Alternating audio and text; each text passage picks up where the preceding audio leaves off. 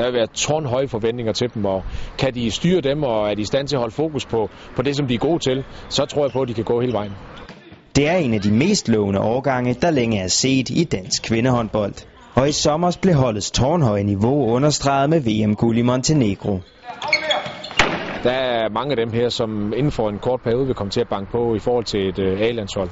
Det er der ingen tvivl om. Men næste sommer skal de danske verdensmestre for første gang takle presset af en stor slutrunde på hjemmebane, når Danmark er vært for U19-EM. Forberedelserne er netop skudt i gang.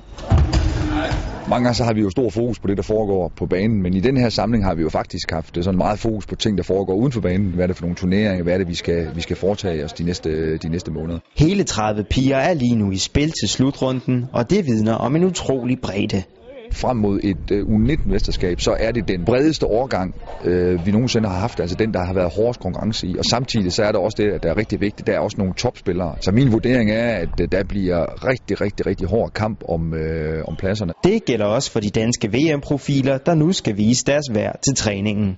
Selvfølgelig skal man aldrig ned, ned på jorden igen, og så ligesom starte forfra sammen med hele truppen, og håbe på, at man får lov til at være med igen næste sommer. Det ville være fantastisk at komme til at spille her på hjemmebane foran et dansk publikum og mærke den opbakning, man får hjemmefra. Folk herhjemme kender os, hvor vi på udebane, der er der ikke nogen, der kender os. Hjemmebanen bliver dog måske også den største udfordring for de unge talenter, der allerede nu forbereder sig på det pres og den opmærksomhed, de vil opleve fra bekendte, medier og tilskuere.